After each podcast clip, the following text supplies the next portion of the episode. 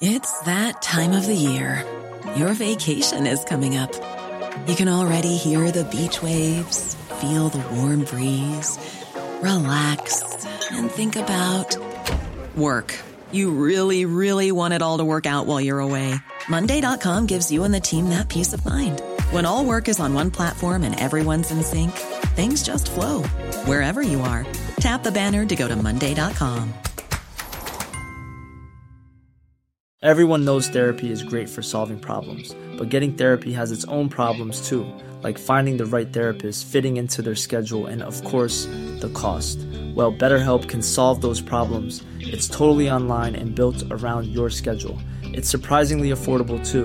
Connect with a credentialed therapist by phone, video, or online chat, all from the comfort of your home. Visit betterhelp.com to learn more and save 10% on your first month. That's BetterHelp, H E L P. One size fits all seems like a good idea for clothes until you try them on. Same goes for healthcare. That's why United Healthcare offers flexible, budget friendly coverage for medical, vision, dental, and more. Learn more at uh1.com. Palmemordet, vittnet Lars, del 8. Sveriges statsminister Olof Palme är död. 90 000. Ja, det är mord på Sveavägen. Hörde de säger att det är Palme som är skjuten. Mordvapnet med säkerhet är en Smith Wesson, en revolver kaliber .357. Inte ett svar. Finns inte ett svar.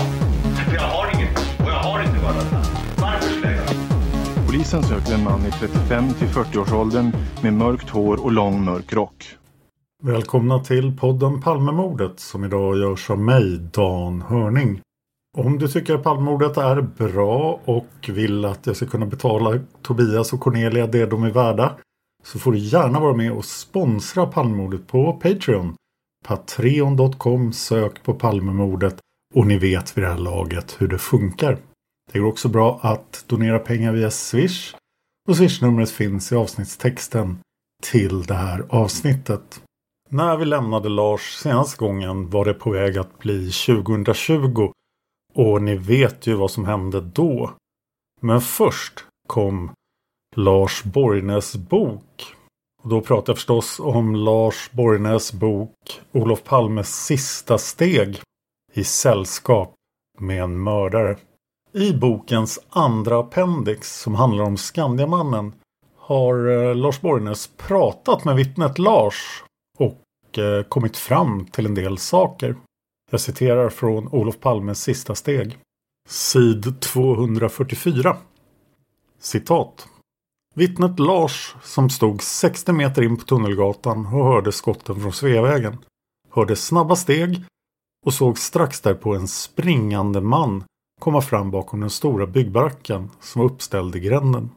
Lars hade inte sett vem som sköt ut i korsningen men trodde, helt naturligt, att det var samma man som kom springande. Lars gjorde alltså en feltolkning. Det var inte mördaren utan ett ofrivilligt vittne som flydde upp för trapporna. Slut citat. Borgnäs är inne på att det är två män som springer i gränden och det här har ju vi pratat om. Borgnäs förklarar bäst själv i avsnitt 217 till 220 av den här podden. Olof Palmes sista steg med Lars Borgnäs. De avsnitten publicerades i mars och april 2020. Borgnäs hypotes är att Skandiamannen springer i gränden men han är inte mördaren. Från sid 245 i Olof Palmes sista steg. Citat.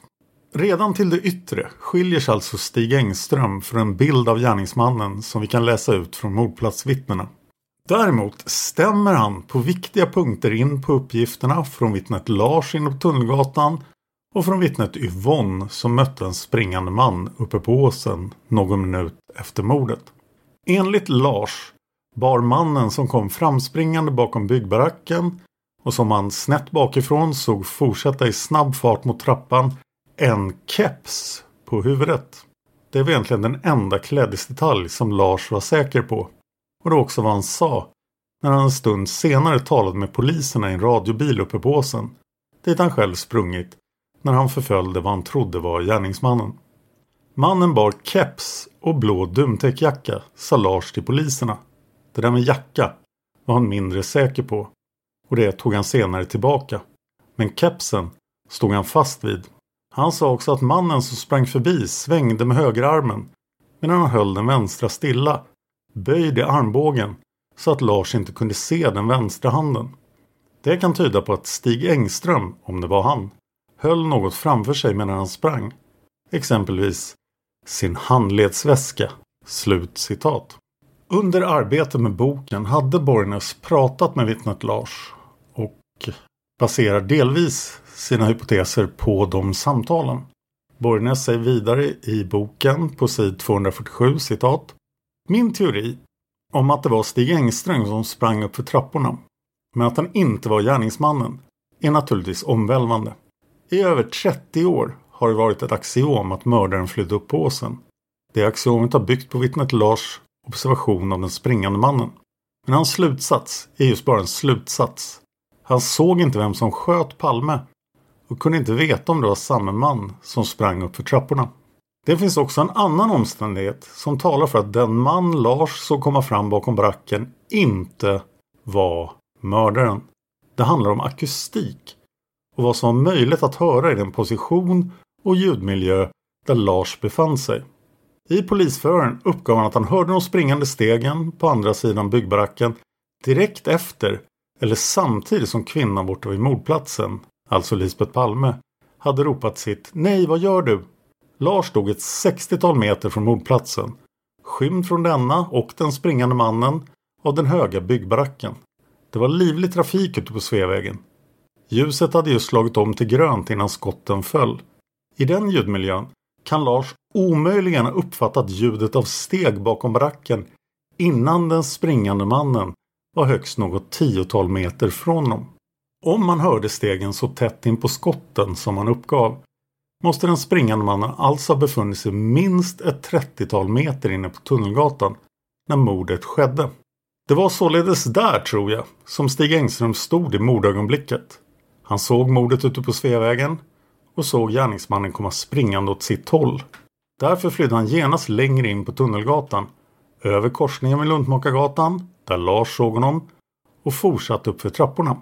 Lars uppfattade den skymda person som han hörde komma springande på andra sidan baracken som den som hade avlossat de båda skotten. Snabba steg från en springande person som hörs direkt efter en sådan händelse kan det tolkas som något annat än gärningsmannens. Slut citat. Borgnäs avslutar sitt appendix med citat. Den olyckliga konsekvensen av Lars misstag var i så fall att mördarens flyktväg kom att uppfattas felaktigt. Vittnesmål uppe på åsen tog all uppmärksamhet och det fick den olyckliga följden att de vittnen som rapporterade sig ha sett någonting längre norrut på Luntmakargatan och i områden åt det hållet kom att uppfattas som mindre intressanta av utredarna än vad de i verkligheten var. I själva verket var det kanske i den riktningen Olof Palmes mördare försvann och med honom svaren på alla våra frågor. Slut citat. I februari 2020 släpper Christer Petersson sin bomb. Ni vet ju alla vad jag talar om, men jag tänker ändå citera lite från SVT Nyheter den 18 februari. Citat. Någon kommer att åtalas för Palmemordet innan sommaren eller så läggs utredningen ner. Det uppger Palmeåklagaren Christer Petersson för SVTs Veckans brott. Lite senare. Christer Petersson uppger att han redan idag vet om man kommer att lägga ner förundersökningen eller väcka åtal. Om det blir ett åtal 34 år efter att mordet begåtts skulle det vara en bedrift för den garvade chefsåklagaren. Ja, det vore sensationellt, det får man säga. Slut citat. Aftonbladet skriver den 26 februari. Ursprungligen publicerad den 20 februari men uppdaterad den 26. Rubrik Polisen har förhört flera vittnen om Skandiamannen. Citat. Skandiamannen pekas ut som ett av polisens huvudspår i utredningen om mordet på Olof Palme. Nu har Palmegruppen genomfört nya förhör med nyckelvittnet Lars och flera personer i Skandiamannens närhet. Jag har haft kontakt med utredarna men jag får inte säga vad vi pratar om, säger hans exfru. Slut citat. Sedan Den 28 februari 2020 har vi återigen en Palmevandring, sen sista innan pandemin. Och då är vittnet Lars på plats.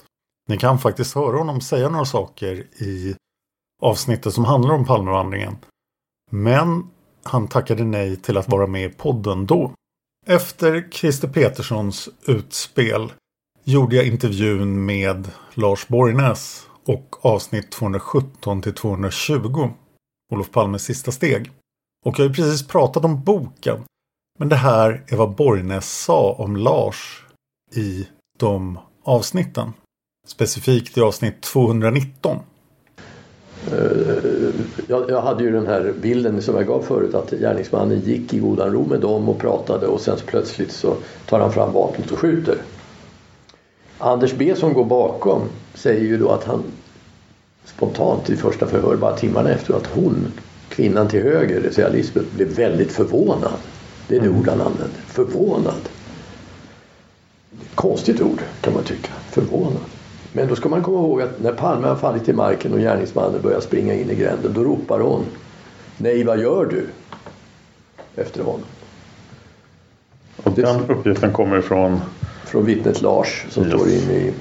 Han är alltså, står 60 meter in i gränden, Tunnelgatan.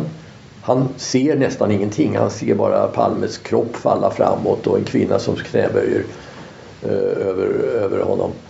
Men så hör han det här som han fortfarande idag minns och har hållit fast vid hela tiden. Han berättar ju det i förhör också att kvinnan ropar Hjälp vad gör du? eller Nej vad gör du? Just det. Och då vet han naturligtvis inte vem det är riktat till. Men samtidigt så hör han det 60 meter in i gränden så det måste vara väldigt högt. Det var ju trafik ute på Sveavägen och sådär också som just hade brusat igång. Hon ropar väldigt högt och Eh, det hörs alltså åt det hållet där, där Lars J befinner sig, det vill säga in, i, in på Tunnelgatan. Så det, för mig är det ju en eh, mycket rimlig slutsats att hon ropar det efter gärningsmannen. Mm. Just med tanke på att hon blev så förvånad enligt Anders B då, när skotten föll. Eh, och även enligt vittnet Inge så han ser också Lisbeth Palme eh, när hon sitter med, eller står med ryggen mot eh, gatan så märker han att hon ropar någonting men han hör inte vad det är. Han hör bara liksom, att hon ropar någonting. Just det, eftersom det är riktat bort från honom bort så hör han inte. Honom, ja, det är inte, och han sitter i en bil. Ja, precis. Man kan ju tänka sig var det riktat till Olof Palme som då ligger vid hennes fötter liksom inom räckhåll från henne. Eh, ja, kanske, men varför ropar hon då så att det hörs 60 meter in i, i gränden? This Mother's Day, celebrate the extraordinary women in your life with a heartfelt gift from Blue Nile. Whether it's for your mom, a mother figure, or yourself as a mom, find that perfect piece to express your love and appreciation. Explore Blue Nile's exquisite pearls and mesmerizing gemstones that she's sure to love. Enjoy fast shipping options like guaranteed free shipping and returns. Make this Mother's Day unforgettable with a piece from Blue Nile. Right now, get up to 50% off at BlueNile.com. That's Bluenile.com. Everyone knows therapy is great for solving problems, but getting therapy has its own problems too, like finding the right therapist, fitting into their schedule, and of course, the cost. Well, BetterHelp can solve those problems. It's totally online and built around your schedule. It's surprisingly affordable too. Connect with a credentialed therapist by phone, video, or online chat, all from the comfort of your home. Visit betterhelp.com to learn more and save 10% on your first month. That's BetterHelp H E L P. Burrow's Furniture is built for the way you live. From ensuring easy assembly and disassembly to honoring highly requested new colors for their award winning seating, they always have their customers in mind. Their modular seating is made out of durable materials to last and grow with you. And with Burrow, you always get fast, free shipping. Get up to 60% off during Burrow's Memorial Day sale at burrow.com slash ACAST. That's burrow.com slash ACAST. burrow.com slash acast. Eh, jag sätter ju det i samband med att hon just inte har, man, varken hon eller Olof Palme har trott att den här mannen de just har gått tillsammans med och pratat med skulle göra något ont åt dem. Det, det, det, det väntar de sig inte. Plötsligt skjuter han. Och det blir för henne att spontant att hon ropar Nej, vad gör du? Eller hjälp, vad gör du? Efter honom. Vilket ju i så fall tyder på att det var en person hon för, förmodade pratade svenska för det första. Vittnet Lars som då har sett bara mordet på avstånd men han har inte sett gärningsmannen. Han har bara sett Palmes kropp falla framåt så han har ingen aning om hur gärningsmannen ser ut. Borde han inte ha sett Skandiamannen också då? Nej, han är på andra sidan barackerna. Ja, så Skandiamannen är på södra sidan av barackerna? Nej, det är Lars är på Ja, jag menar, men när Lars tittar mot, mot brottsplatsen, är han på södra sidan av barackerna? Ja, ja, Lars är där ja. Men Skandiamannen springer ju norra sidan av barackerna, på andra sidan. Och springer upp förbi tvärs över Lundbakargatan, då ser Lars honom. Och upp för trapporna. Mm. Varpå Lars naturligtvis drar slutsatsen att det var han som sköt. Borde han inte ha hört två par springande steg? Nej, det är inte säkert. Därför om, I en sån gata och med barackerna där, då, du hör inte särskilt väl steg. Du hör, det var brusande trafik ute på gatan och du, du hör inte steg förrän de är väldigt nära dig. Det, det, går, det är lätt att kolla för vem som helst som vill hålla på och provspringa där men, men eh, det är faktiskt så att han, han kan inte ha hört stegen förrän de sista, de sista, den sista sträckan innan, innan eh, den springande mannen dök upp på Lundbackagatan helt enkelt. Så... Borde han inte reagera över att mannen kommer så väldigt fort till Lundmakargatan då? Nej, men han, vet, han vet ju inte vilket avstånd mannen stod på när han sköt. Han har ju inte sett mannen stå intill Palme. Han har inte sett någonting av, av gärningsmannen. Så han ser inte gärningsmannen när han tittar mot brottsplatsen och ser paret Palme? inte alls. Det framgår klart. Han ser bara Palmes överkropp falla framåt och i det där skedet när Palme från, förmodligen från knästående faller, faller ner på gatan. Då dyker han upp i, i, i Lars synfält. Han ser aldrig gärningsmannen för då skulle han ju kunna se om det var eller inte var den som kommer springande. Men det kan han inte se. Och det är helt klart ifrån vittnesförhör med honom. Så han utgår naturligtvis från att det här är eh, skytten som springer. Och så hjältemodigt så kastar han sig efter upp för trapporna efter en liten tvekan och eh, så vidare. Och, eh, och vi alla i 34 år efter utgår från att mördaren sprang upp på åsen. Hur länge tror du att vittnet Lars tvekar? Eh, Jag kan inte gissa. Vad vad säger han själv? Han, eh, han, tror, han säger väl att gärningsmannen har kommit eh, halvväg. Nej, när, när han, gärningsmannen har kommit upp och vänder sig om helt snabbt och uppe på toppen och sen försvinner, då börjar han springa själv. Så, så, är det ju. Eh, Och han är ju övertygad då förstås av att det var han som sköt. Mm. Och han jagar efter. Men borde han inte då se den andra springande mannen på Lundmakargatan? Inte, nej, vi vet ju inte vart han tog, tog vägen. Det, det, det finns förklaringar på det där som jag inte ska gå in på här men det här kommer nämligen att bli, bli eh, om man dristar sig till att ta fram Skandiamannen i sommar så finns det en del eh, saker som talar emot det väldigt starkt och de ska jag inte berätta om här. Okej. Nu blir jag väldigt nyfiken. Ja, det tror jag alla blir. Precis som vi blev när Christer Petersson började tala om att han ska lösa det i sommar. Alla blev nyfikna. Verkligen. Ja, så det är ett bra, det är ett bra sätt att göra folk intresserade. Det som har hänt nu efter Peterssons utspel är ju att vi har lurats in i, lurats in, vi har lurat oss själva in i en smaklös, en osmaklig ska jag säga, osmaklig eh, gissningslek. Spekulationscirkus. Det har verkligen blivit en spekulationscirkus. Ja, och det var ju, gick ju att förutse för Petersson. Men där borde han ha förutsett att säger han det han sa Mm. så kommer alla att börja gissa och spekulera. Och det gör han alltså. Han låter oss gå in i en dimma. Han skickar ut en dimma Mm. som vi sen börjar treva oss runt i. Även professionella och duktiga journalister sitter och gissar och spekulerar i tv och press och radio. Och det är åstadkommet av det här märkliga utspelet från Petersson som kom just när han skulle svara på frågor om min bok. Ja, exakt. Han, han satt och skulle, det kan man ju se på Veckans Brotts extra program. Där inte något vanligt program men det finns ett extra Jag program. vet. Camilla Kvartoft skulle fråga. Hon, hon hade intervjuat mig. Mm. En lång intervju hemma hos mig. Och sen sa hon att hon skulle ringa Christer Petersson för att få kommentarer.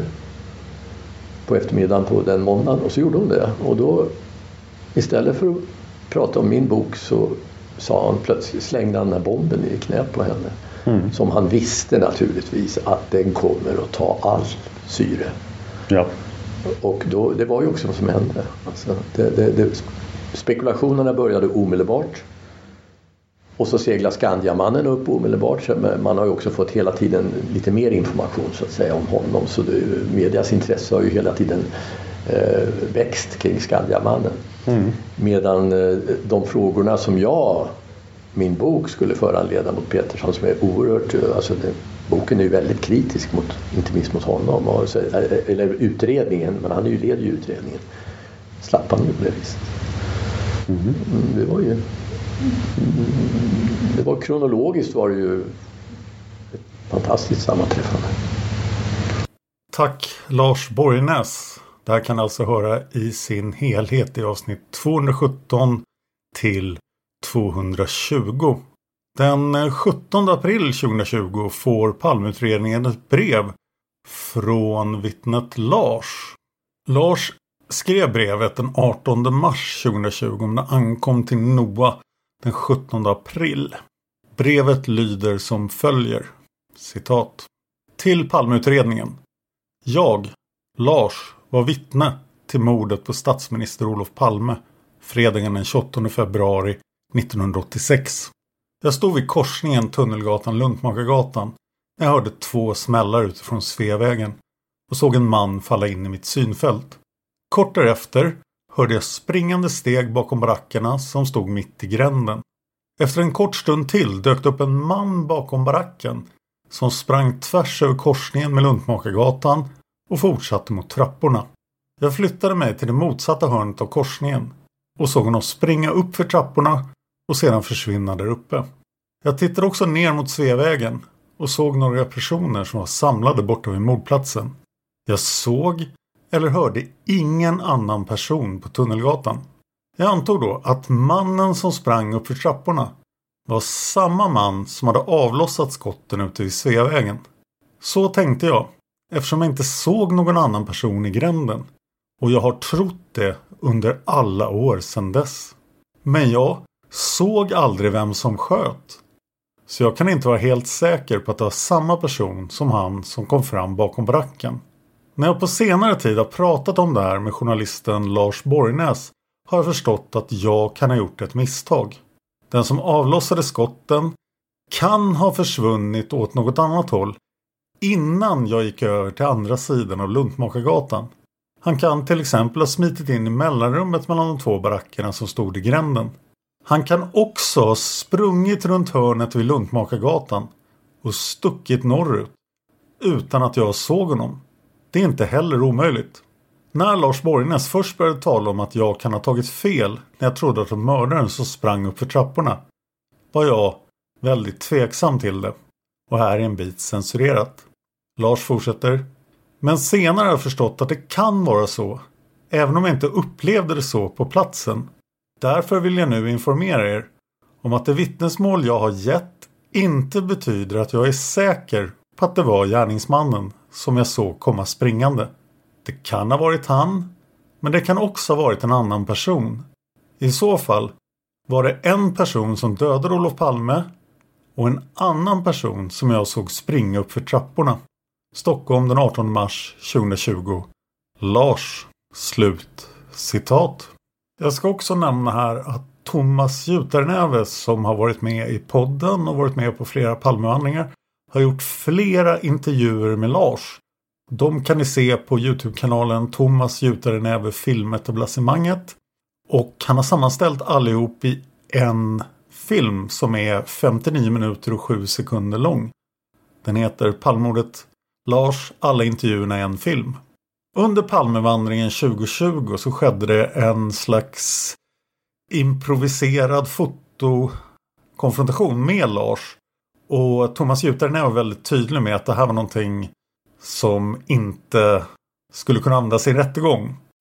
Men vittnet Lars fick se 14 bilder och jag var vittne till det. Jag ska återkomma till det lite senare. När Jutarneve faktiskt publicerade filmen. För innan han gjorde det så kom då den stora dagen 2020 när Christer Petersson skulle presentera sina slutsatser.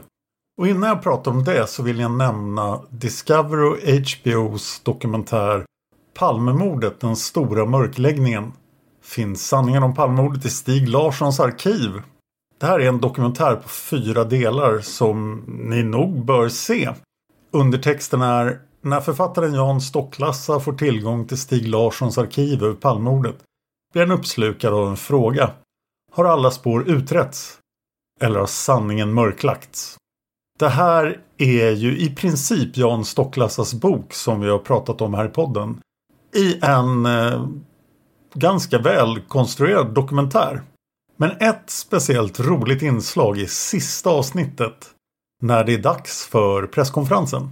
Så Jan Stocklassa och andra som har varit med i dokumentären sitter och väntar på vad Christer Petersson ska säga.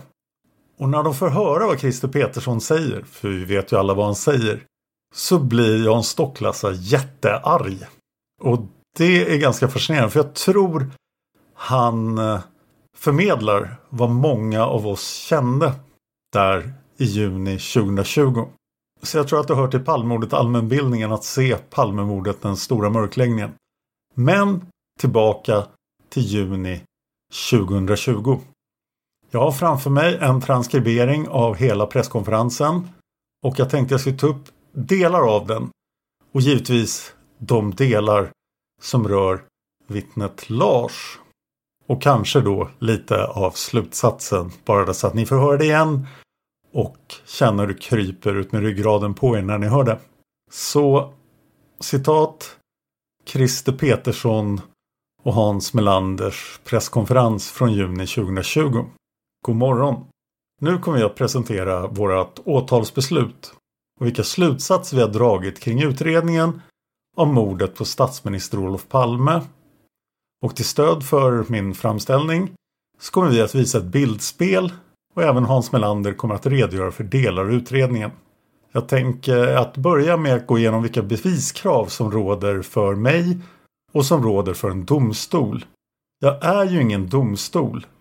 Och det är domstolen som efter en prövning av all bevisning kommer fram till domslut och finner ett åtal styrkt eller inte styrkt. Men åklagaren ligger ju i ett tidigare skede av rättsprocessen. Jag kan inleda en förundersökning om någon kan misstänkas för ett brott och om det förekommer misstanke om att ett brott har förövats och då inleda förundersökning. Mitt första jobb, att bedöma om någon kan misstänkas för det brottet eller skäligen misstänkas. Och kommer man upp i misstankegraden skäligen misstänkt så kan ju våran verktygslåda användas. Det vill säga att åklagaren kan anhålla en person som skäligen misstänkts eller också misstanken är starkare att anhålla honom eller henne på sannolika skäl. Slutcitat. Petersson fortsätter den där resonemanget. Och sen pekar han förstås ut Stig Engström. Och hävdar att han måste förhöra Stig Engström men det går inte för han är död och därför måste förundersökningen läggas ner. Men nu till de delar som rör vittnet Lars. Och vi är nu 26 minuter och 50 sekunder in i presskonferensen. Citat. Man kommer då ner på våra slutsatser kring gärningsmannen. Och jag har varit inne på de beviskraven jag har. Och att jag inte, eller att åklagaren inte är en domstol.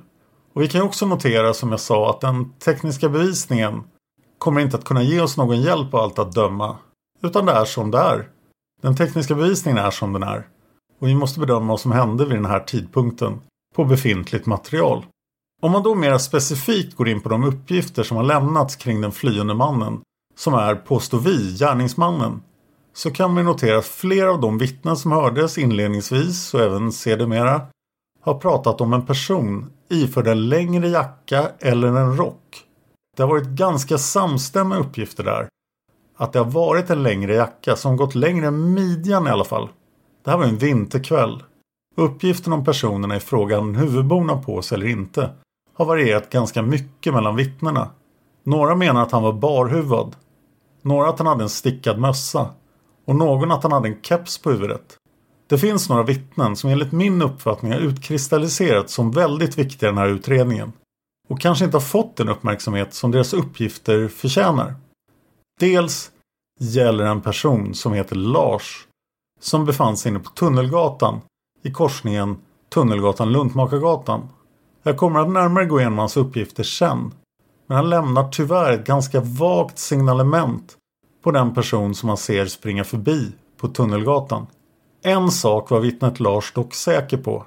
Det var att den flyende mannen hade en keps på huvudet. Slut citat. Och senare vid 30 minuter 20 sekunder citat.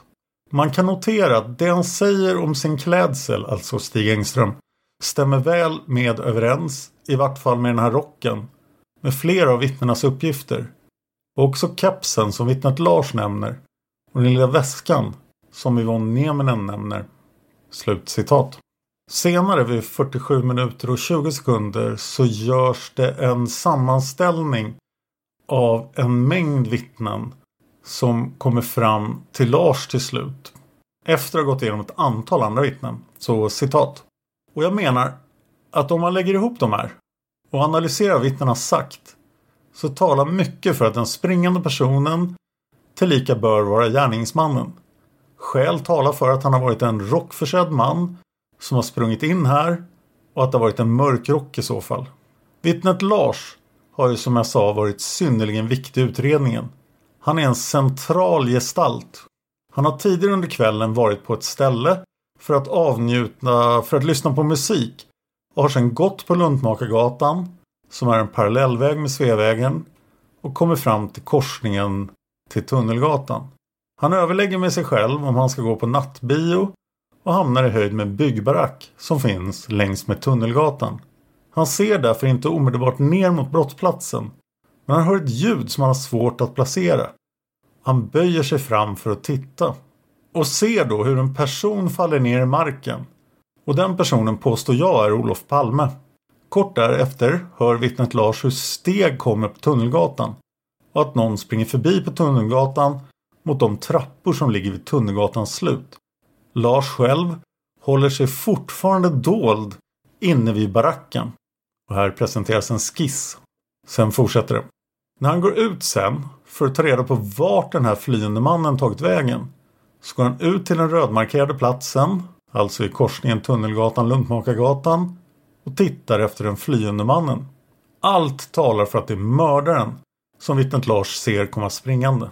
Därför är hans uppgifter om signalement och liknande väldigt viktiga. Men tyvärr så har Lars inte kunnat göra några bra iakttagelser av den springande personen. Men en sak la han märke till och han har vidhållit säkert.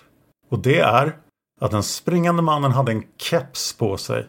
Och det hade ju också Stig Engström enligt egen uppgift den här kvällen. Och först när den här mannen springer förbi som jag påstår att Stig Engström har hunnit en bra bit upp i trappan som avslutar Tunnelgatan så vågar sig Lars fram. Som jag visar på den här skissen går han fram mot korsningen Tunnelgatan-Luntmakargatan. Lars spanar efter den flyende och kunde notera att den flyende mannen när han hade kommit upp till krönet på trappan till Tunnelgatan så vänder han sig om och tittar neråt och får då syn på Lars. Ja, jag vill påstå att han har möjlighet att se Lars. Lars blir rädd för att han skulle kunna bli iakttagen och sedd utav den flyende mannen. Så att han kastar sig tillbaka eller tar sig snabbt in i skydd utav baracken igen. För att inte bli exponerad för den flyende mannen. Oklart hur lång tid han överlade med sig själv. Men det tog en stund innan Lars påbörjade ett förföljande av den flyende mannen. Men det gör han. Han börjar springa efter. Han börjar springa upp för de här trapporna han också. Om man går tillbaka till Engströms berättelse, till polis och andra sammanhang, så har han sagt att han har gjort en iakttagelse av en man i korsningen Tunnelgatan-Luntmakargatan. En man iklädd en blå täckjacka. Av de signalementsuppgifter som han lämnar under förhör så menar jag man kan hålla för visst att det är vittnet Lars som han beskriver och som han har sett. Till yttermera vissa så har han pekat ut vittnet Lars i samband med att han har fått se bilder av honom utav polisen. Och han har beskrivit när han gjorde den här iakttagelsen. Det vill säga ganska snart efter att han kom till brottsplatsen. Han höll ju på att snubbla på Olof Palme nästan.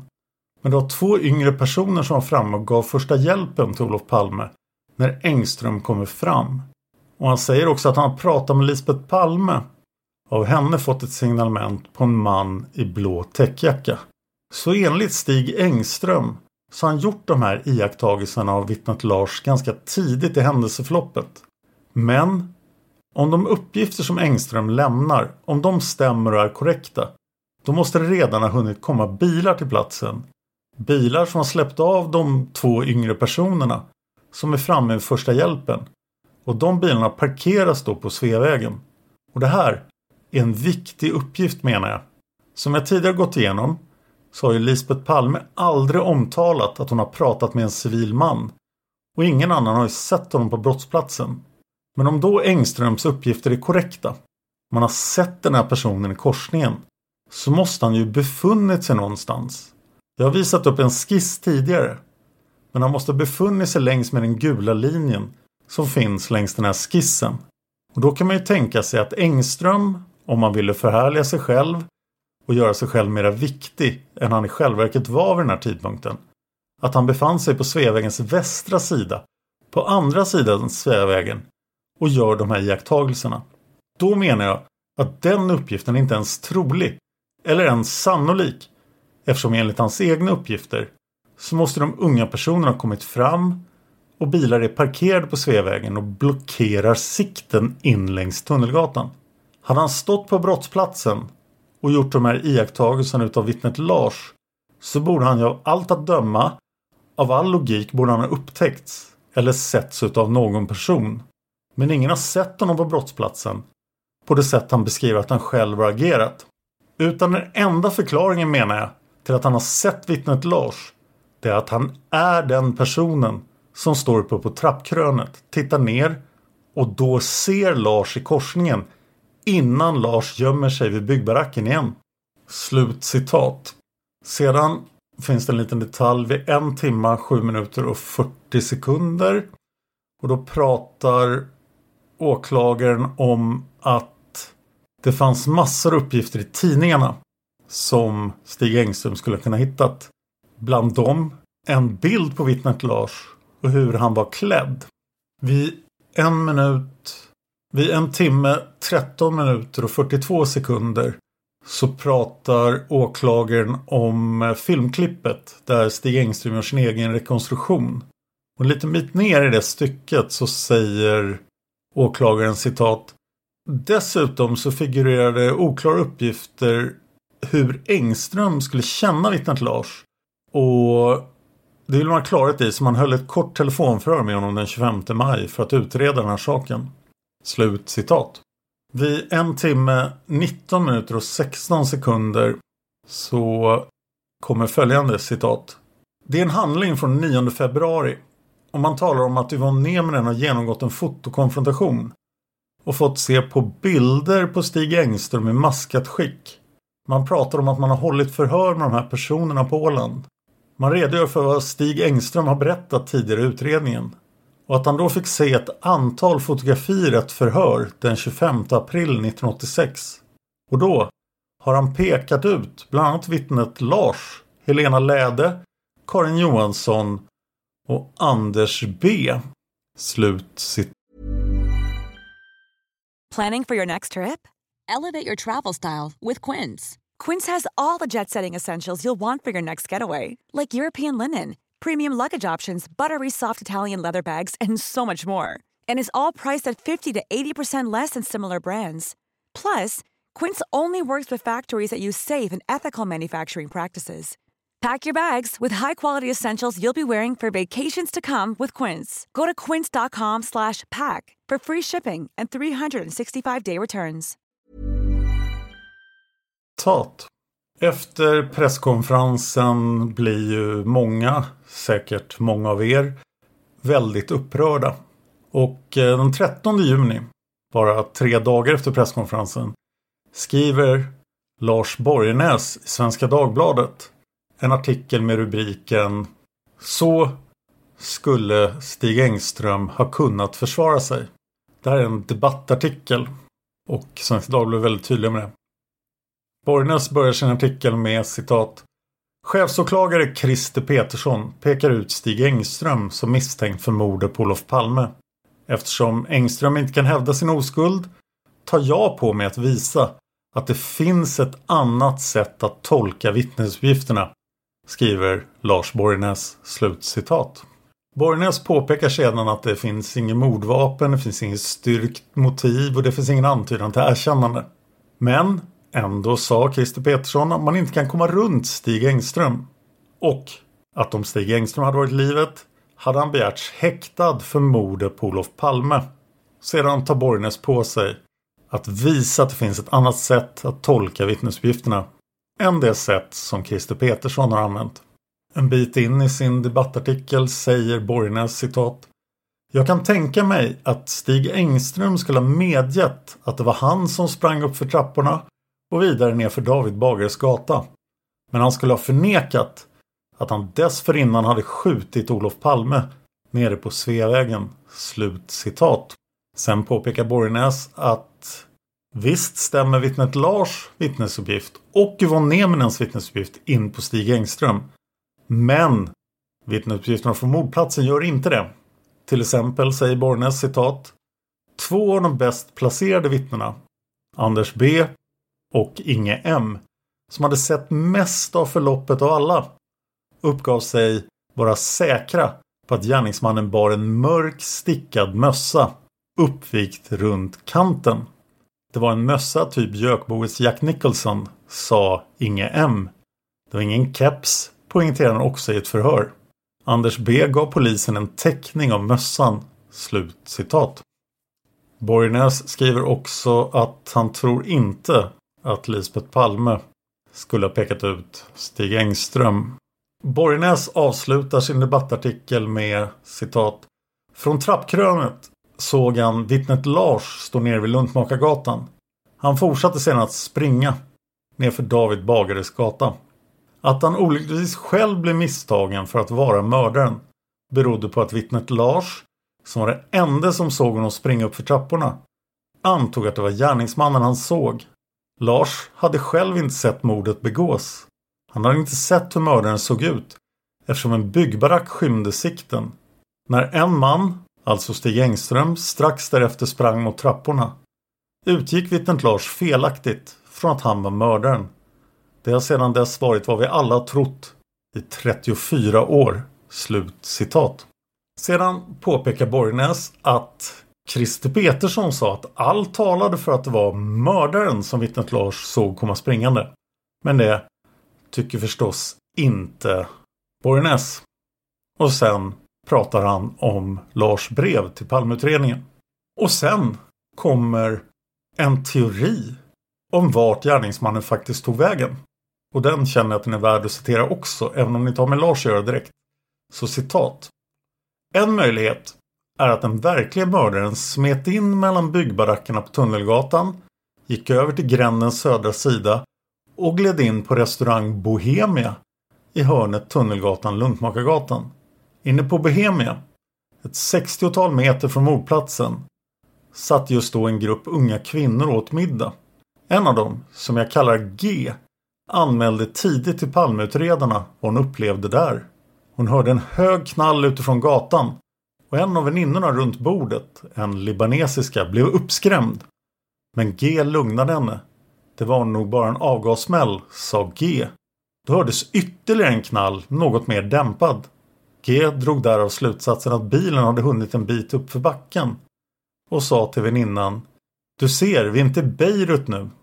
Kort därefter, någon halvminut eller så, såg G en man klädd i mörkt komma in på restaurangen. Hon reagerade på hans avvikande utseende och uppträdande. Han satte sig med ryggen mot G vid ett bord intill dörren utan att ta av sig ytterkläderna. Där satt han stilla en stund med händerna framför sig på bordet utan att beställa något. Därefter reste han sig och gick ut på gatan igen. Slut citat. I juli 2020 publicerade Thomas Jutenäve en video från fotokonfrontationen. Och eh, jag citerar texten till videon. Den finns på jutarenäve.com och jag kommer lägga in en länk till den och till alla Jutarenäves intervjuer med vittnet Lars i avsnittstexten. Så här skriver Juternäve. Citat.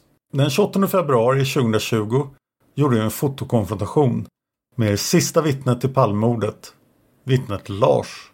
Vi visar 14 bilder som polisen aldrig visade för Lars. Vi namnger ingen av dem som vi visar på bilderna. Däremot sätter vi signaturer på bilderna. Dan Hörning, grundaren av podden Palmmordet, är vittne till fotokonfrontationen.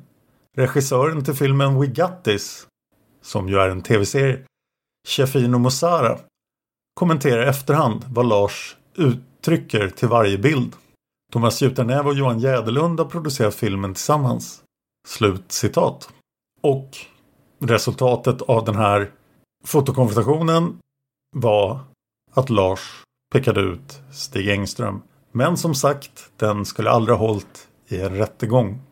Vi är framme på slutet av den här åtta avsnitt långa serien om vittnet Lars. Och jag måste säga att jag tycker Lars är ett av de bättre vittnena i Palmemordet. Han har hållit fast vid sin historia. Han lät sig inte övertalas att peka ut Christer Pettersson. Och han har alltid varit redig och försökt hjälpa polisen. Så tack Lars! Jag och Tobias kommer att gå djupare in på andra vittnen framöver. Det projektet har ju redan påbörjats. När jag började podden 2015-2016 så var jag väldigt kortfattlig vad gäller många vittnen och det ska vi råda bot på nu. Jag jobbar också vidare med Christer avsnitten men just nu inväntar jag Mark Pennarts dokumentär. Eftersom han är den som sitter på väldigt mycket kunskaper om Christer A. Så jag väntar till den kommer. Vilket mina uppgifter säger kommer att bli innan årets slut. Och det hoppas jag verkligen. Och apropå dokumentärer så vill jag hemskt gärna höra vad ni tyckte om Palmemordet, den stora mörkläggningen. För jag antar att de flesta av er har sett den. Jag tyckte den var dramaturgiskt väldigt avancerad just att man får ju följa Jan Stocklas eh, i sin stuga i Norrland där han sitter och öppnar Stig Larssons arkiv. Och man får en känsla att det där händer medan de filmar. Men det gör det ju förstås inte. Även David Fredin kommer till tals i dokumentären. Och vi har ju en intervju med honom som vi hoppas kunna publicera snart. Jag finns på Twitter och Instagram. Jag heter Dan Hörning så är lätt att hitta. Följ mig gärna där. Jag har inte bytt till Threads för att jag tycker mer illa om Meta än vad jag tycker om Elon Musk. Så jag är fortfarande kvar på Twitter. Om ni tycker om svenska mordmysterier så har jag just gjort en serie om Mörtnäsmorden i min podd Olösta mord.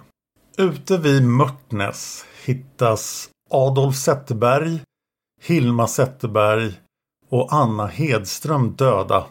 Det här ligger i Värmdö kommun utanför Stockholm och det skedde den 4 mars 1932. Det här är ett synnerligen brutalt trippelmord och det är inte löst. Så om ni tycker om gamla svenska mordmysterier som inte har någon lösning så kan ni lyssna på Olösta mord där jag i fyra delar går igenom det här tämligen berömda fallet. Och en anledning till att det är berömt är att en av de misstänkta är massmördaren Fredrik von Sydow som jag har gjort två avsnitt om i Massmördarpodden. Du kan kontakta oss på Palmordet på e-mailadressen simwaypodcast.gmail.com simwaypodcast med Z. Simway är mitt poddbolag. Det är min producent Eva som läser alla mejl där och kan skicka vidare dem till mig, Tobias eller Cornelia. Jag vill också slänga in ett gott ord för Facebookgruppen FUP och övriga handlingar och palmordsarkivet.se. Det är ett fantastiskt arbete de gör med att få ut dokument. Och det är vi verkligen tacksamma för här på podden. Om du pratar detaljer i Palmemordet så är inte vår e-mail rätt för vi måste ägna vår tid åt att göra avsnitt. Men vi rekommenderar Studio Palmemordet på Facebook. Även om det innebär att jag måste göra reklam för Meta när jag säger det. Om du lyssnar på Palmemordet på en Apple device så får du gärna lämna en iTunes-recension. Det var lite tunt med iTunes-recensioner. Jag gick igenom dem senast. Så jag vill hemskt gärna ha fler. Jag kommer att läsa upp alla iTunes-recensioner i podden. Tack till alla er som sponsrar Palmemordet på Patreon. Det är anledningen att vi har kunnat fortsätta komma ut varje vecka nu. Det var ju skakigt i slutet av förra året men nu är vi igång igen och vi försöker hålla den takten. Och det är helt tack vare er sponsring på Patreon. Tack också till alla som kom på Palmevandringen 2023. Ett speciellt tack till Gunnar Wall och Johan Lundqvist, tidigare känd som Juan Esposito, som jag ju skriver en bok om Palmemordet med som är tänkt att komma ut 2026. Tack till Lukas för musiken. Tack till expertgruppen, vår jurist och våra researchassistenter. Tack till Cornelia och Tobias för att ni gör avsnitt till den här podden. Och tack till dig för att du lyssnar på Palmemordet. Man hittar Palmes mördare om man följer PKK-spåret till botten. För att ända sedan Julius Caesars tid har det aldrig hört talas om ett mord på en framstående politiker som inte haft politiska skäl. Polisens och åklagarens teori var att han ensam hade skjutit Olof Palme. Och det ledde också till rättegång. Men han frikändes i hovrätten. Nu ska vi ut och röva, Stråt. Ja, vi ska ut och röva.